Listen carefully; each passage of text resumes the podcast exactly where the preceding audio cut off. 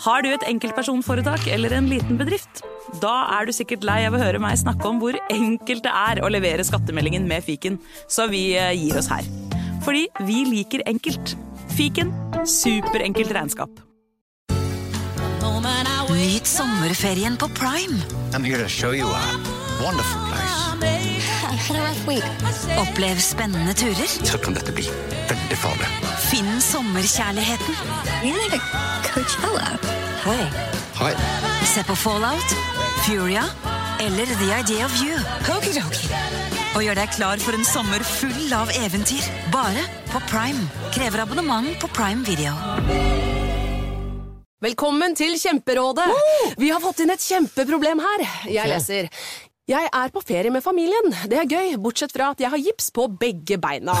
Kan ikke bade eller dra noe sted. Jeg føler meg veldig begrenset. Hilsen begrenset far. Begrenset far trenger ubegrensethet. Yes. Ja, Kanskje ubegrenset data fra 399 med familierabatt hos Telenor? Ja, det løser jo alt! Bortsett fra det med badingen, da. Se nye mobilabonnement på telenor.no. Yes!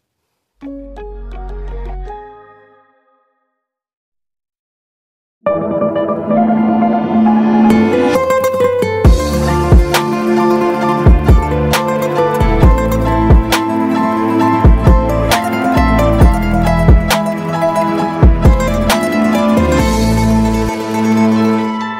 og velkommen til en ny episode av Gangsterpodden. Mitt navn er også denne uken Jim Fosheim.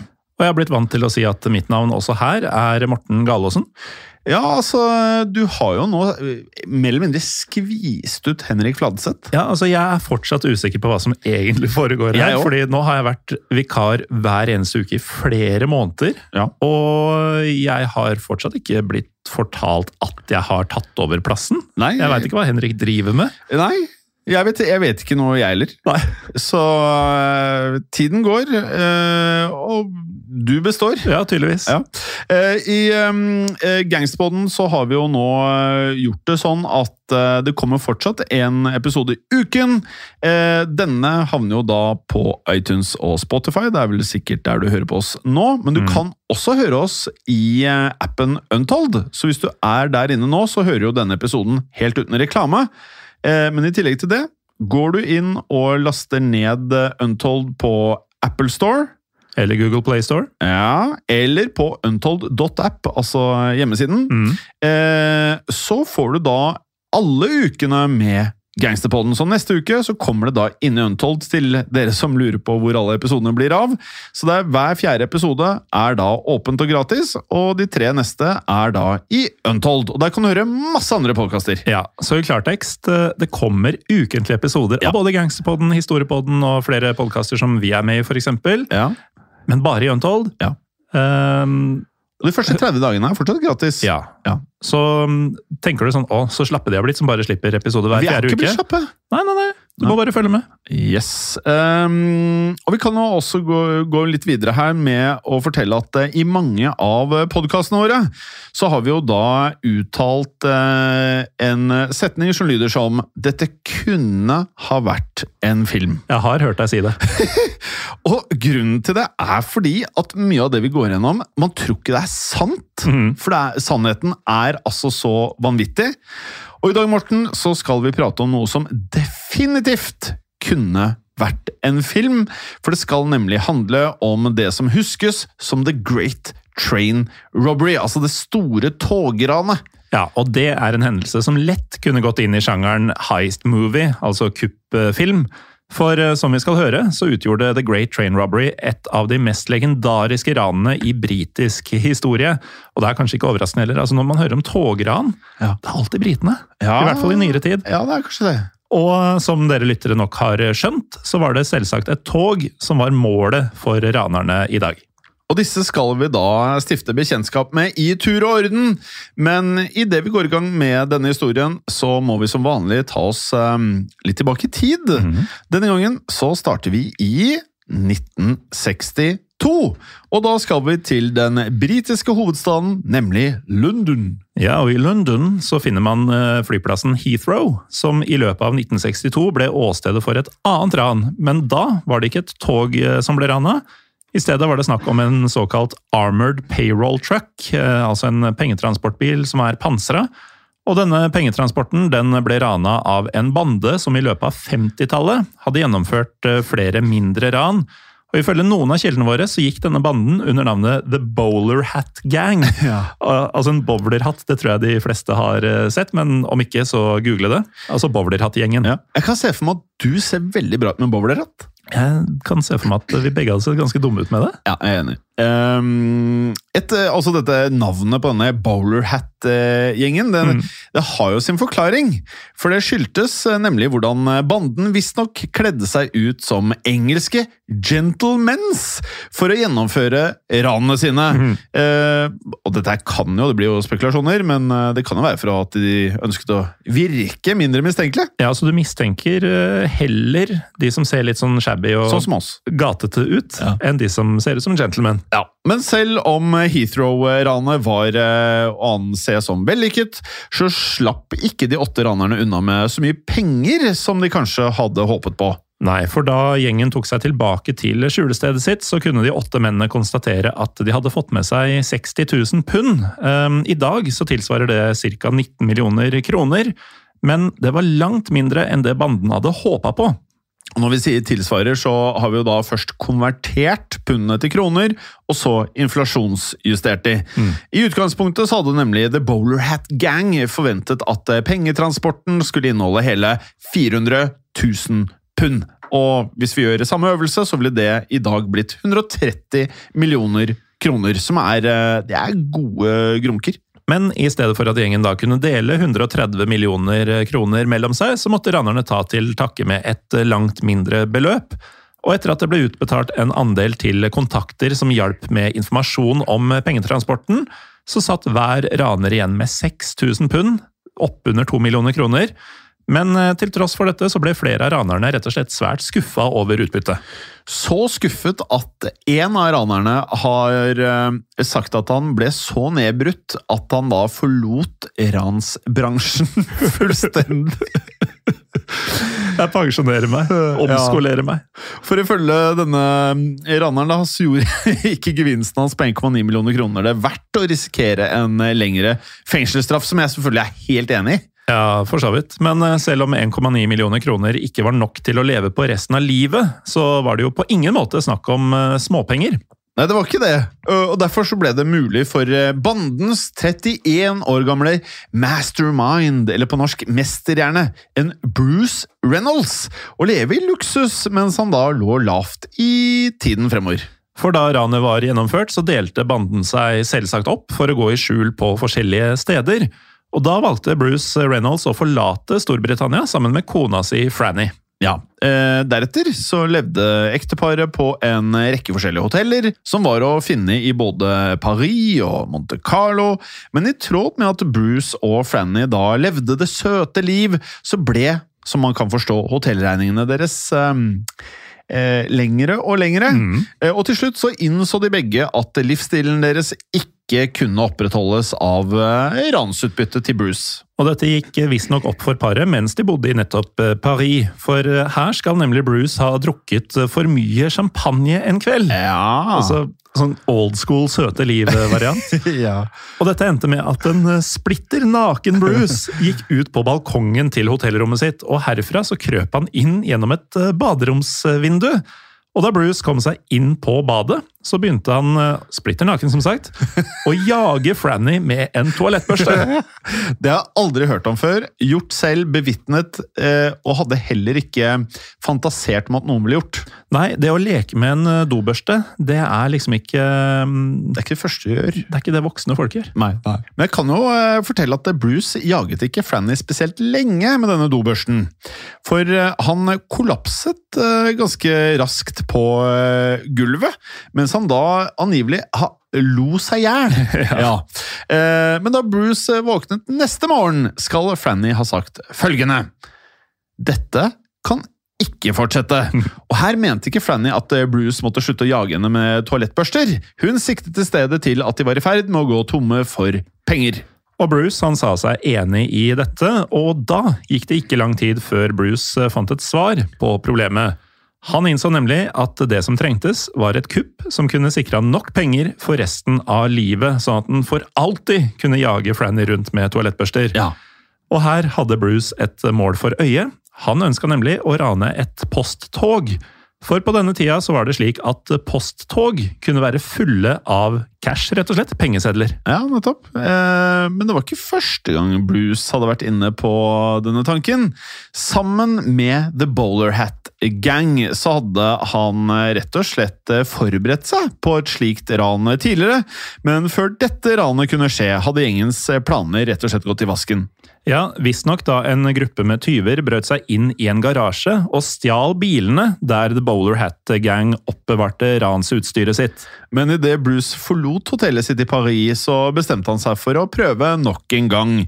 Og derfor så var det nå på tide å sette sammen et nytt team med ranere. Ja, Men som nevnt så er vi jo nå i uh, heist movie-sjangeren i dag. Og hvis man har sett mange sånne filmer, så blir man etter hvert bevisst på at noen ting ofte går igjen. Og én av disse tingene er jo at personen som planlegger kuppet, leverer setninga I'm putting together a team. Altså, ja. jeg setter sammen et team. Ja, jeg får veldig sånn Har du sett Oceans Eleven? Ja. ja. Det er veldig den viben. Det er jo det. Ja. Eh, og deretter så får man gjerne en eh, montasjesekvens idet hovedpersonen begynner å rekruttere de forskjellige medlemmene av teamet sitt. Akkurat som i Oceans Eleven. Ja, og dersom dagens eh, fortelling hadde vært en film, så ville vi nok ha fått en montasjesekvens på dette tidspunktet, for nå er det altså på tide å introdusere mennene som utgjorde teamet som Bruce Reynolds satte sammen. Og da forstår vi det slik at noen av disse mennene var tidligere medlemmer av The Bowler Hat Gang. Ja, og etter hvert skulle Bruce sitt nye ransteam bestå av 16 personer. Men til å begynne med så kontaktet Bruce minst to av mennene som deltok i Heathrow-ranet. Disse to mennene het Gordon Goody og Ronald Buster Edwards. Men når Goody og Buster ikke drev med ran, så hadde de vanlige jobber, og Goody han var faktisk da en uh, frisør. Ja, mens eh, Edwards han var en tidligere bokser som nå drev eh, både en nattklubb og en blomsterforretning. Ja, Men da Goody og Edwards kom i kontakt med Bruce Reynolds igjen, ble de enige om å bli med på denne nye planen hans, og da fikk de snart hjelp av flere personer. Blant mennene kildene våre da oppgir, er en tidligere fallskjermssoldat ved navn Jimmy White. Og I tillegg så sluttet en annen av Bruce Reynolds gamle partnere seg til planen. Denne mannens navn var Charlie Wilson. Og Ifølge våre kilder så hadde den 31 år gamle Charlie Wilson en bakgrunn innen tyveri. Eh, nøyaktig hvilken type tyveri det fremstår uklart, men det kildene sier tydelig, er at Wilson nå jobba i en grønnsaksforretning eid av faren hans. Eh, altså I sum så har disse folka de kan nok se etter en vei ut. Altså en lettere vei til mer penger. Ja, det føles sånn. Eh, Idet vi da tar oss litt videre her, så kan vi jo også da nevne at Bruce Reynolds og gjengen hans fikk hjelp av en eh, svært tvilsom advokat ved navn Brian Field. Ja, og i alle disse filmene så hører det jo med en sånn shady lawyer-type. Ja. Eh, her har vi den. For i kjølvannet av pengetransportranet på Heathrow så hadde Gordon Goody blitt eh, spora opp av politiet. Men med advokathjelp fra Brian Field så klarte Goody å unngå fengselsstraff. Men Field han var også typen som kunne omgås kriminelle utenfor rettssalen. For kildene våre forteller nemlig at Field ofte hjalp kriminelle med både tips og kontaktpersoner mot eh, litt betaling, da. Han satte sammen team? Ja da, han var eh, tydeligvis veldig behjelpelig. Og i dette tilfellet så sørget Field for at eh, Goody skaffet seg en verdifull kontaktperson. For slik Field ville ha det til, så satt denne personen på akkurat den innsideinformasjonen som ranerne trengte. Nå snakker vi litt kryptisk om denne personen. Det er fordi den virkelige identiteten til denne kontaktpersonen aldri har blitt eh, avslørt.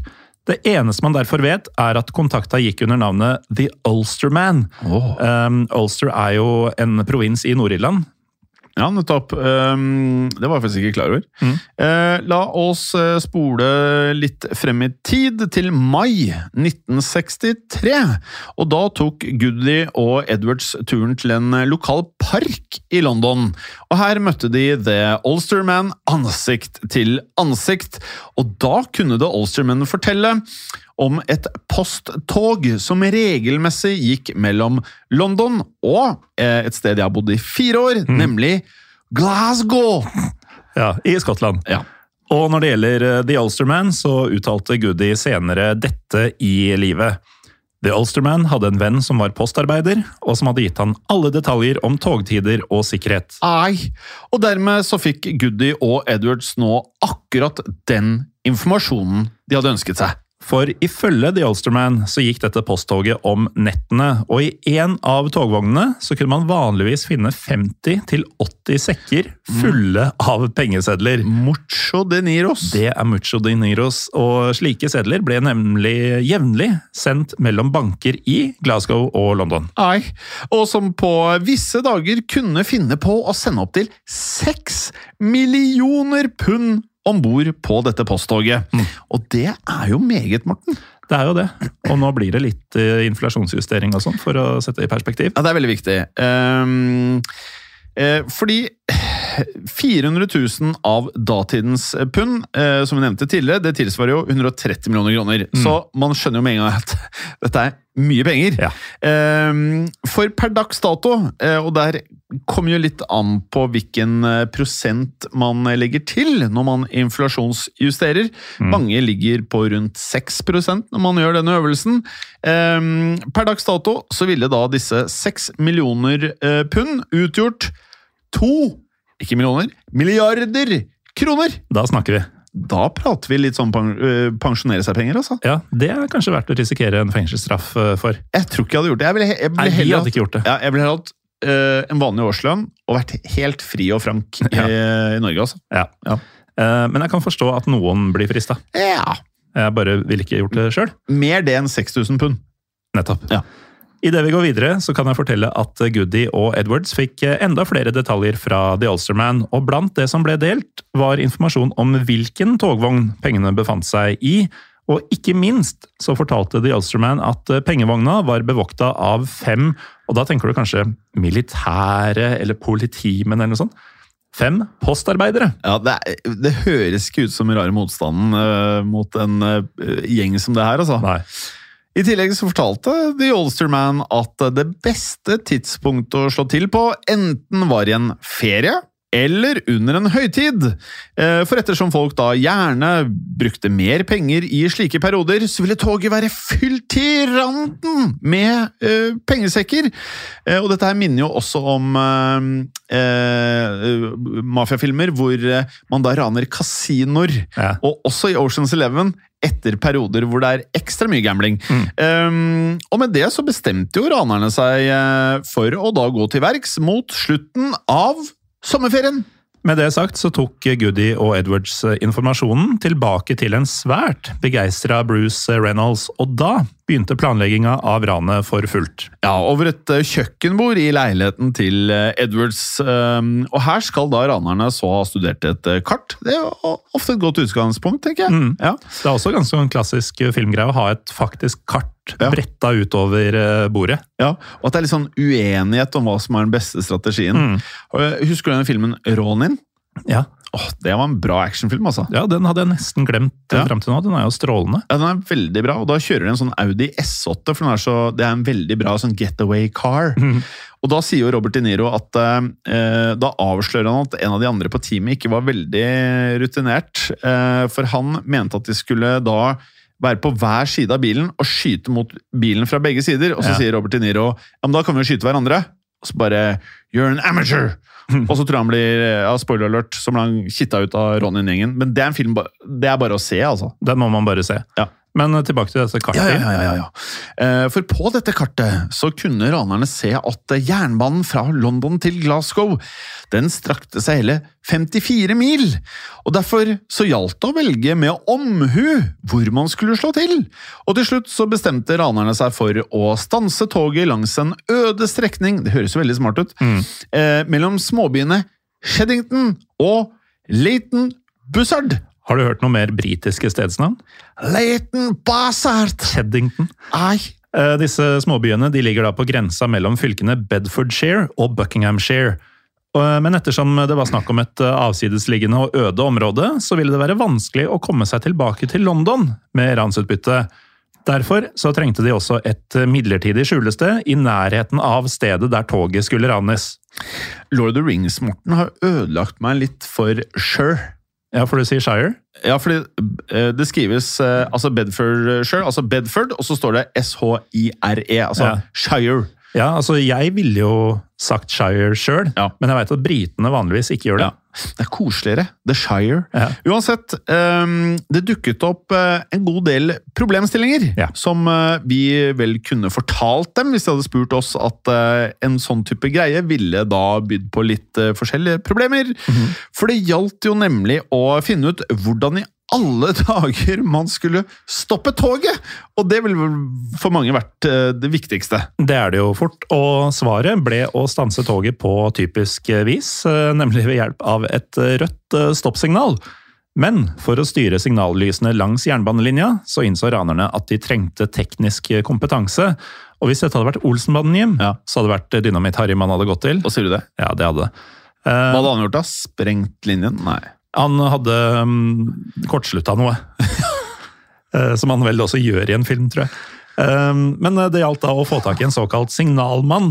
Og da viste det seg at eh, Edwards han kjente en mann som het eh, Roger Cordry. Ja, som eh, tidligere hadde da, tro det eller ei, ranet flere tog! Nettopp på denne måten. Det er så bra at han, han bare kjenner en fyr som har drevet med dette flere ganger. Men hvorfor er ikke dette her sånn alle har hørt om? Nei. Eh, Det er en stund siden, da, men uansett. Eh, Og derfor så, helt åpenbart, så ble jo da Courtney snart kontaktet. Men siden Courtney da var medlem av en annen gjeng med ranere, som ble kalt South Coast Raiders, så ble South Coast Raiders også innviet da i disse ransplanene. Ja, og da vokste jo selvfølgelig teamet til Bruce Reynolds ytterligere, for med Cordery så kom også tre mer erfarne togranere ved navn Tommy Wispy, Bob Welch og Jim Hussey. Og det tenker jeg egentlig er helt, Det er så mye penger å ta av, at det er, eh, jo mer kompetanse, jo, jo bedre. Jeg tenker jo det. Men eh, som vi skal høre, så skulle disse snart få selskap av enda flere personer. Og eh, det er jo også en annen måte å se det på. Jo flere kokker, jo mer trøbbel. Ja, og tilbake til Ronin. Ja. Det blir etter hvert vanskelig å holde oversikt over hvem du kan stole på, hvem som Ja. spiller mot deg osv. Ja, ja, ja. Eh, I mellomtiden så begynte ranerne å se seg om etter et eh, skjulested, det er jo viktig, som eh, skulle være i nærheten av området der toget skulle stanses. Og her fant da Bruce Reynolds til slutt en eiendom som var til salgs. Og ifølge kildene våre så var det da snakk om en gårdstomt kalt Leatherslade Farm. Leatherslade Farm. Som ranerne deretter kjøpte ved hjelp av en mellommann som ble rekruttert av advokaten Brian Field. Han var veldig behjelpelig. Han var det. Han eh, hadde litt sånn tentaklene ute i alle leire, virker det som. Da dette var gjort, så ble det duka for nok et planleggingsmøte hjemme hos Edwards, og denne gangen var det jo, som man kanskje skjønner, en god del menn til stede. For eh, utover de vi allerede har nevnt, så hadde det nå blitt rekruttert enda flere ranere. Ja, men eh, når det gjelder akkurat de ranerne som vi nå sikter til, så er kildene våre noe uoversiktlige. Og det skjønner man jo. altså Det er langt tilbake i tid, og det er etter hvert fryktelig mange mennesker å forholde seg til. Ja, Så vi mangler noen navn. Men eh, før vi går videre, så kan vi da konstatere at ransteamet nå eh, hadde blitt så mange som 14 eh, stykk. Ja, det var nå, men flere skulle det bli. Å ja, ja, ja. Med det sagt så tar vi oss til sommeren 1963, for på denne tida så begynte ranerne for alvor å gjøre seg klare. Og akkurat som i en god heist-movie, så måtte det selvsagt deles ut forskjellige ansvarsområder. Og derfor, Jim, så kan vi jo si noen ord om hvordan planen så ut på dette tidspunktet. Ja, Først og fremst så bestemte ranerne seg for å gjennomføre ranet forkledd i falske militæruniformer. Og slik eh, håpet de nemlig da at det ville være langt enklere å stanse toget. Og i eh, tillegg så skaffet de seg masker for å dekke ansiktene sine, og da antar vi at det er typ sånn finlandshetter, da, kanskje. Ja, det er litt uklart i kildene, men øhm, ifølge planen så skulle teamet også dele seg inn i to mindre grupper. Og når toget ble stoppa, så skulle disse to gruppene gjennomføre forskjellige oppgaver. Gruppe nummer én skulle først kutte over nærliggende telefonledninger For på denne måten kunne man da hindre at politiet mottok rapporter om ranet, som virker veldig smart. Foreløpig syns jeg det virker veldig gjennomtenkt. Ja. Også det å, altså Ser det ut som militæret, så er det jo større sjanse for at eh, toget stopper. Ja, ja. Eh, Samtidig som dette skjedde, så skulle gruppe nummer to løpe om bord på toget. Og her fikk én raner i oppgave å koble pengevogna fra resten av toget. Deretter skulle de andre togvognene kjøres flere hundre meter vekk fra pengevogna. Og Så fort gruppe to hadde jaga vekk de eh, opptil 80 postarbeiderne som befant seg på disse vognene, så skulle ranerne rette fokuset mot pengevogna. Ja. Eh, Der var planen å overmanne de fem postarbeiderne som da befant seg inni pengevognen. Deretter gjaldt det da å komme seg tilbake til Leather Slade Farm med pengene. Men her dukka det opp et nytt problem, for um, siden ranerne planla å kjøre resten av toget vekk fra pengevogna, så måtte de jo tvinge togføreren til å gjøre det. Men dersom togføreren skulle finne på å nekte, da vil man jo ha problemer. Ja, For å da helgardere seg, så bestemte Bruce Reynolds og Gordon Goode seg derfor for å prøve å lære seg å kjøre toget helt selv. Det ville også Dynamitt-Harry ha gjort. Ja, Og her begynner jeg å bli litt sånn hmm, Da begynner det å bli litt mange elementer å forholde seg til. Mm. Og her forteller kildene våre at Goody etter hvert da fant seg en lærebok. Ja, men når det gjelder denne læreboka, så var det nok et problem. For boka, det var ikke en faktisk lærebok, det var en barnebok. Som visstnok hadde tittelen 'Tommy lærer å kjøre tog'. Likevel hindret ikke dette på noen som helst måte Goody og Bruce fra å snike seg inn på en av Londons eh, togstasjoner, og her tok de seg om bord på et parkert tog som de forsøkte å prøvekjøre. Men eh, etter at Goody fikk fart på toget, så gikk det skikkelig gærent. En skulle nesten tro at en barnebok eh, som handler om noen som lærer å kjøre tog, ikke er godt nok eh, grunnlag for å faktisk kjøre tog. Det kunne vi også fortalt dem. Ja, For det viser seg nemlig at Goody han var ikke i stand til å finne bremsene på toget. Og da hjalp det for øvrig ikke at Goody han hadde nok vært litt nervøs. For han hadde drikket seg eh, hva skal vi si, eh, salongberusa, eh, brisen, småfull, i forkant. Ja, og i stedet for at Goody da klarte å trekke i bremsene, så endte det med at han rett og slett økte farten! eh, og da toget akselererte, da, så fikk Bruce og Goody til slutt panikk, og det skjønner jeg godt. Og derfor så bestemte de seg for å hoppe av toget før toget kolliderte med noe annet, da. Og da de to eh, ranerne da hoppet av toget, så forsvant det rett og slett videre langs jernbanen. Men da Bruce og Goody leste avisene neste dag, så sto det ikke skrevet noe som helst om en togulykke, så etter alt å dømme så hadde toget derfor blitt stansa av en slags sikkerhetsmekanisme langs jernbanen. Likevel så var det blitt eh, klart at verken Goody eller Brus kunne kjøre et tog. Og derfor så gjaldt det selvsagt å få inn noen som kunne gjøre dette. Eh, dermed så trengte man flere eh, i teamet. Ja, for i løpet av kort tid så støtte Bruce på en gammel kompis. Da Bruce på et tidspunkt hadde sona ferdig en fengselsdom, så var nemlig en av fengselskameratene hans en mann ved navn Ronny Biggs. Ja, og da Bruce eh, nå støtte på Biggs, så viste det seg at Biggs kjente en togfører. Men for å da eh, sette Bruce i kontakt med denne togføreren, så stilte Biggs et eh, relativt spesifikt krav. Ja. Biggs ønsket nemlig å få være med på togranet. ja. Og dermed ble både den eh, 33 år gamle Biggs og togføreren en del av ransteamet. Og sånn vi forstår det, så var denne togføreren en mann i 50-åra som kalte seg selv Peter. Hvorvidt dette var det ekte navnet hans, det er noe tvilsomt, for um, i ettertid så har Peter, i likhet med The Ulsterman, aldri blitt fullstendig identifisert.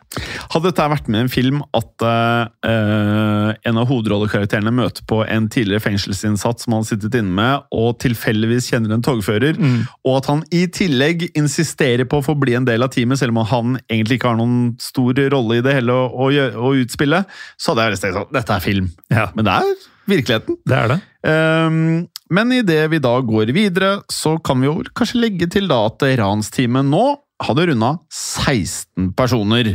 Uh, og nå må vi videre inn i august 1963. Og nå var eh, ranerne omsider klare de til å slå til. Ja, og hvordan det gikk da det skjedde, det skal vi høre mer om etter en liten pause. Det slipper du hvis du hører på Untold. Velkommen tilbake. Før pausen så nevnte vi at eh, ranerne var nå ja, De var blitt klare for å tråkke til. Eh, og som nevnt så hadde de nå delt seg inn i to grupper for å gjennomføre planen på hva de mente ville bli best mulig vis. Ja, så nå tar vi oss fram til natta den, eh, eller natt til den 8. august 1963. Klokka 2.30 denne natta så var nemlig toget på vei, og da var ranerne på plass langs jernbanen mellom Cheddington og Leighton Buzzard. Og her begynte gruppe 1, som planen var, å klippe over de nærliggende telefonlinjene. Samtidig forberedte gruppe to seg på å stanse toget når det da dukket opp, og da klokken var ca. 03.00, så hørte ranerne omsider lyden av toget som nærmet seg. Derfor gikk en av ranerne, det er uklart hvilken, eh, bort til nærmeste signalskilt, og her eh, dekka denne raneren først til det grønne signallyset med en hanske. Deretter brukte han visstnok et batteri til å skru på det røde signallyset. Men eh, når det gjelder de tekniske detaljene rundt dette, så har vi ikke noe mer informasjon enn dette. Det vi derimot vet, er at mannen som da satt bak spakene på posttoget, het Jack Mills. Og han hadde helt sikkert forberedt denne togkjøringa på en bedre måte enn å lese en barnebok. Ja, det er håpe, da. Og da Mills så det røde lyset foran toget, så trakk han umiddelbart i bremsene. Ja, og da Mills prøvde å bremse, så bremsa faktisk toget. Ja. Eh, I motsetning til å speede opp, som, eh, som de hadde opplevd i London. Eh, og idet toget bremsa, så hørte ranerne lyden av skingrende metall. Og da den lyden døde ut, så ble det klart at eh, denne delen av planen hadde fungert. Toget hadde nemlig stoppa helt opp, og da gikk ranerne til verks med neste del av planen. Dermed så tok ranerne seg inn i førervognen, der det straks brøt ut et eh, håndgemeng. Og dette endte med at en av ranerne slo togfører Mills i hodet med en gummikølle. Slik vi forstår det, så mm, gjorde denne hodeskaden at Mills ble plaget med hodepine resten av livet, og Mills døde av leukemi i 1970. Men ettersom det ble svært vanskelig å få Mills ut av førersetet, så fikk ikke ranernes egen togfører, denne Peter, plass foran togspakene. Så i stedet så ranerne seg nødt til å true Mills til å kjøre toget vekk fra det nå avkobla pengevogna, og sammen med Ronny Biggs måtte denne Peter derfor sitte og vente i en personbil mens ranet pågikk. Og siden vi nevner Ronny Biggs, eh, Jim, Ja. Eh, jeg skal nevne litt på slutten også, han har også en eh, musikalsk karriere, og som eh, Jeg vet ikke om den gir mening, men vi skal fortelle litt om den eh, på slutten. Ja, ok. Spennende. Ehm, Men så fort Mills eh, kjørte toget vekk, så stormet eh, ranernes eh, gruppe nummer to frem mot pengevognen. Og etter at de da knuste et av vinduene på pengevognen med en øks, slik vi forstår det, så begynte ranerne å da klatre og prøve å komme seg inn i pengevognen. da. Eh, Og her ble da de nevnte fem postarbeiderne på innsiden raskt overmannet. Veldig raskt, for etter bare et minutts tid så begynte ranerne å laste ut pengesekk etter pengesekk. Og disse sekkene de ble så plassert i en lastebil som ranerne hadde stående på vent. Og da denne lastebilen hadde blitt fylt med over 100 sekker, bestemte ranerne seg for at det var på tide å komme seg av gårde. Og da klokken var 04.30, så kjørte ranerne inn på Leather Slade Farm.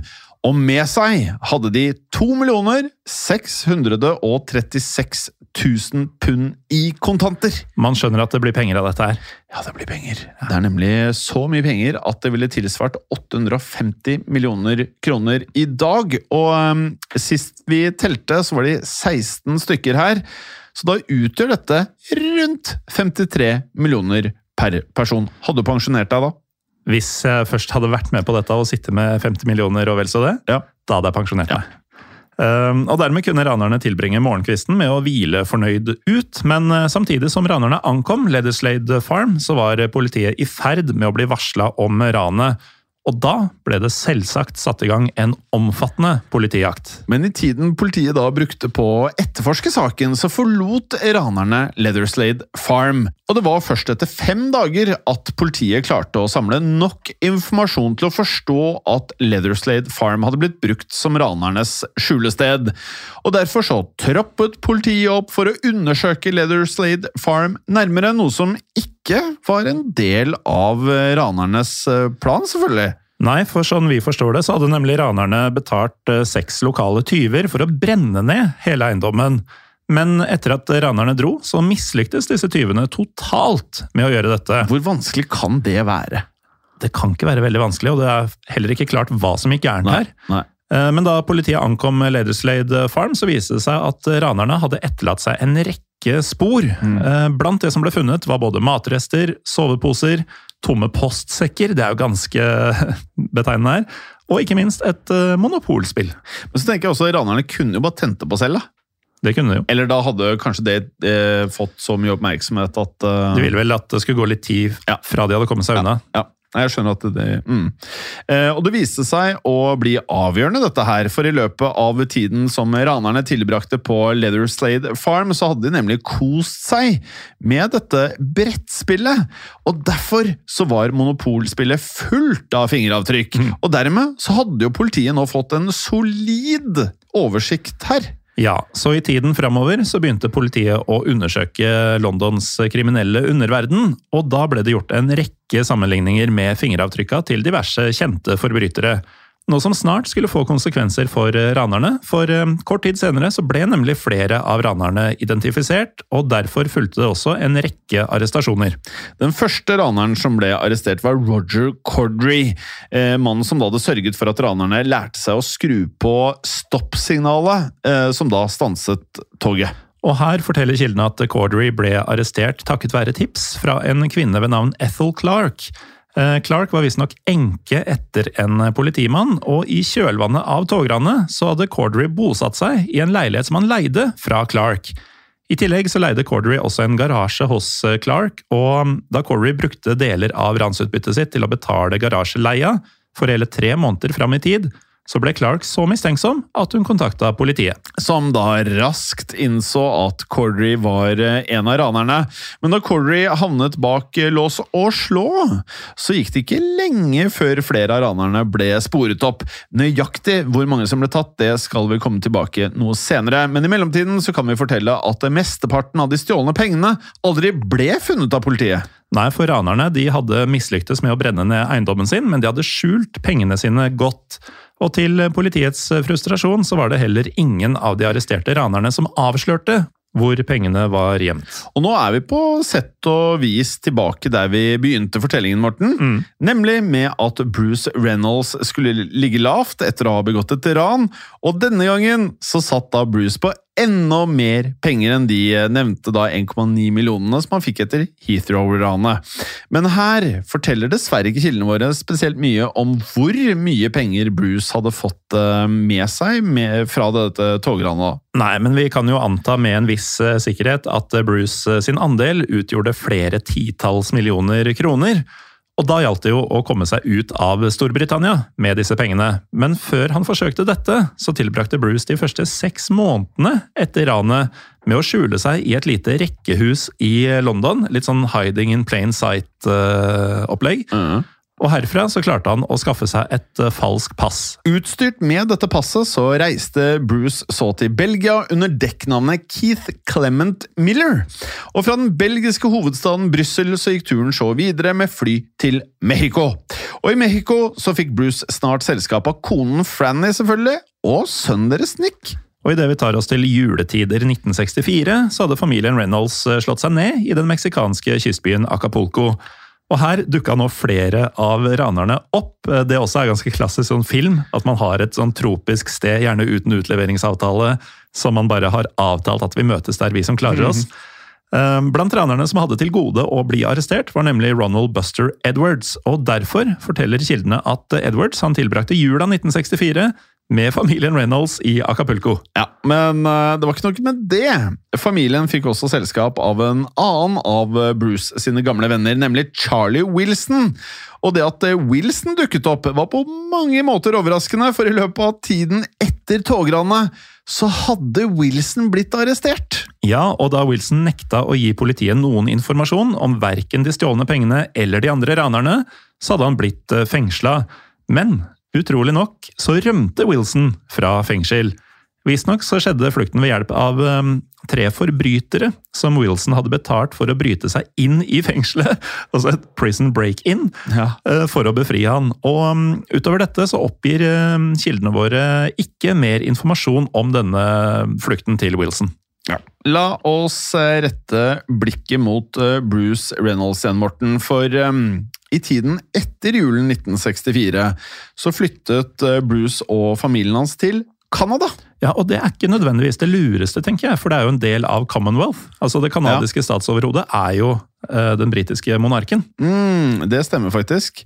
Og her tilbrakte familien tid i byene Toronto, Quebec og Vancouver. Men eh, etter kun noen måneder så gikk turen videre til sørkysten av France. Ja, Så det gikk ikke gærent i Canada. Nei. Og etter noen få år så ble det enda freidigere, for da forsøkte familien Reynolds å bosette seg i Storbritannia igjen. Åh. Her slo familien seg ned i kystbyen Torquay i fylket Devon. For eh, slik vi forstår det, så hadde Bruce tilbrakt flere av barndomsferiene sine i Torquay. Og i Torquay så levde han nå under det falske navnet Keith Miller. Men dessverre for Bruce så var ikke dette nok til å lure politiet. Eh, og nå beveger vi oss til 1968.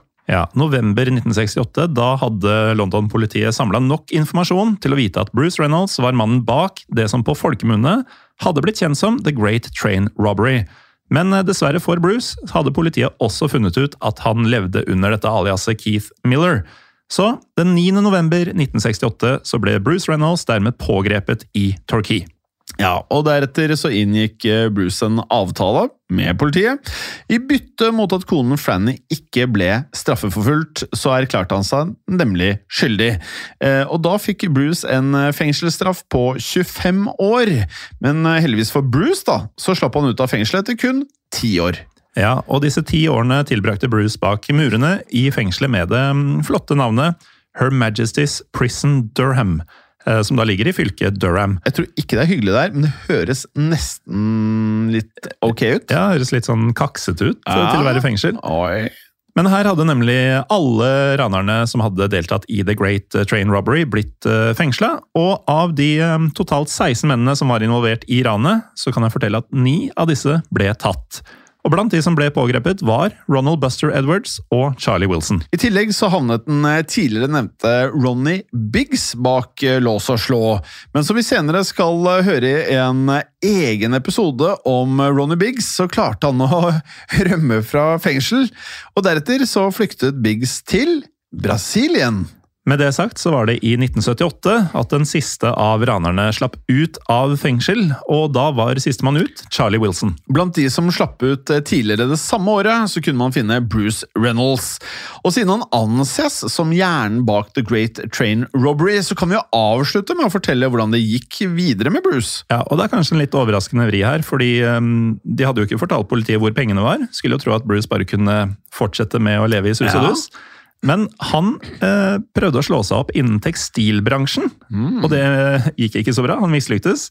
Eh, så han sted, eh, endte i stedet opp med å hvitvaske penger for forskjellige kriminelle gjenger i London. Angivelig for gjenger som da solgte narkotika, og derfor så var det kanskje ikke overraskende at Bruce etter hvert eh, havnet bak lås og slå nok en gang. I 1980 så ble han nemlig dømt til tre års eh, fengsel for å ha solgt uh, amfetamin. Det er en ganske mye mindre spektakulær ting å bli arrestert for og dømt for enn ja. uh, en dette togranet. Men uh, han skulle jo bli løslatt etter hvert eh, fra dette også, og i tiden etter løslatelsen så fikk Bruce en slags eh, kjendisstatus som en såkalt tidligere kriminell. Og i 1988 så ble han attpåtil konsulent for en film som heter Buster. Denne filmen var basert på The Great Train Robbery, og hadde faktisk eh, Phil Collins, altså musikeren fra annet Genesis, i hovedrollen. Likevel så ble rollen som Bruce Reynolds bekledd av en annen, eh, nemlig en skuespiller ved navn Larry Lamb. Ja, jeg var faktisk ikke klar over at eh, Phil Collins var med i noen film. jeg. Nei, ikke jeg heller. Uansett, da. I årene fremover så gjorde interessen rundt eh, historien hans også at eh, Bruce fikk sjansen til å gi ut en selvbiografi. Denne boken kom ut i 1995 og hadde tittelen The Autobiography of a Thief. Eh, på norsk selvbiografien til en tyv. Ja, og vi kan jo da til slutt avsløre at Bruce ikke fikk pensjonere seg med pengene som han hadde rana til seg. For med årene så skal nemlig mye av ransutbyttet hans rett og slett ha blitt eh, brukt opp, og de pengene Bruce og familien hans ikke brukte, ble visstnok konfiskert av domstoler. Og Derfor så ble Bruce etter hvert avhengig av eh, såkalt income support, altså Storbritannias svar på Nav. Ja, og med det sagt så levde Bruce til han ble 81 år gammel, for den 28. februar 2013 så døde han i søvne. Men i årene som har gått siden, så huskes han fortsatt som mannen bak The Great Train Robbery. Og med det så nærmer vi oss eh, veis ende for eh, i dag. Men om noen lyttere har fått mersmak på denne historien, så kan vi også anbefale en filmatisering av The Great Robbery. Og det er da snakk om en eh, miniserie fra BBC. Den er vel fra rundt 2013, som heter The Great Train Robbery. Uh, og før vi går til ukens gangsterlåt, igjen, gå inn på AppStore og Google Playstore for å laste ned Untold hvis du ønsker å gjøre alle episodene av denne podkasten, eller rett og slett bare på untold.app. Ja, og når det gjelder denne gangsterlåta, så fortalte jeg jo at jeg hadde litt mer Ronny Biggs å komme med. Han er rett og slett med i ukas gangsterlåt. Ja! Han eh, har um, vokal på deler av No One Is Innocent av Sex Pistols. Altså, det er jo en av de mest eh, hva skal vi si, turbulente gruppene som noensinne har kommet ut av England. Ja. De slo seg sammen med Ronny Biggs de, og lagde musikk. Helt vanvittig, da. Ja. Det var jeg ikke klar over. Nei, og Det vil jo komme mer om det i den egne episoden om Ronny Biggs, som vi lovte tidligere. Ja. Um, men eh, denne spillelista, Gangsterpodden, ligger jo da på Spotify. Yes. Nå har, det, har vi da fått til denne sangen med Ronny Biggs, som synger de første linjene og litt til. Det er veldig spennende. Mm. Jeg har ikke hørt den låten før, jeg. Eller kanskje jeg har hørt mye Sex Pistols, men jeg har i hvert fall ikke vært bevisst på at han er med. Og med det, Morten, så vil jeg ikke ha deg sovende med noen fisker. Men hold det gangster. Ha det bra. Ha det.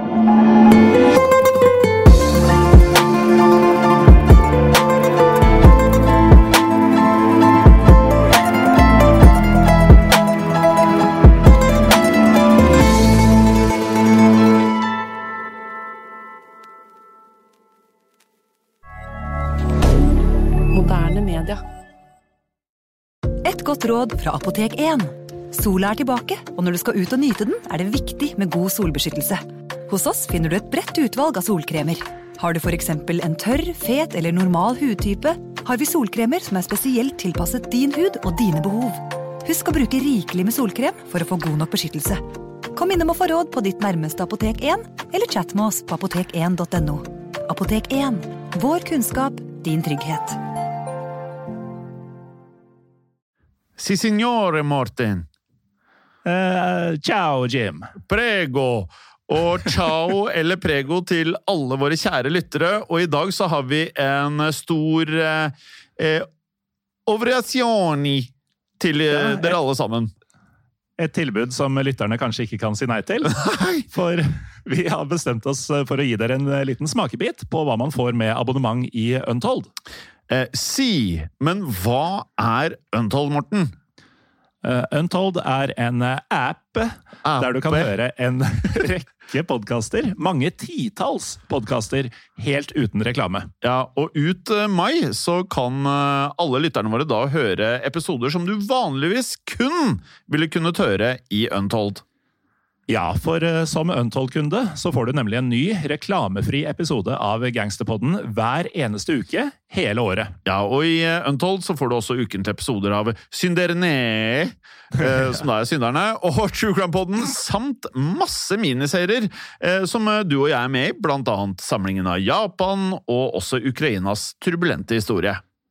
Ja, og så får man jo også tilgang til Historiepodden, og der vil man kunne høre episoden om torgslaget i Kristiania i forbindelse med 17. mai, og den bør alle få med seg. Ja, og det tenker du er spesielt relevant, for vi er i mai måned, da, eller?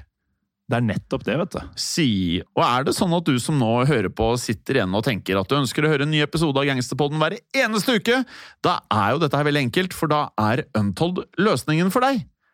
Nettopp, så da går du inn på AppStore eller Google Playstore og laster ned Untold, eller du bruker nettleseren og går til untold.app for å starte ditt abonnement i dag. Si. Og da kan du da få 30 dager helt gratis hvis du ikke har gjort dette tidligere også, og det er jo en eh, overraskelse du ikke kan si nei til. Ja, Det er en grunn til å ikke sove med fiskene. Ja, det er det, men også holde det gangster. Ha det bra!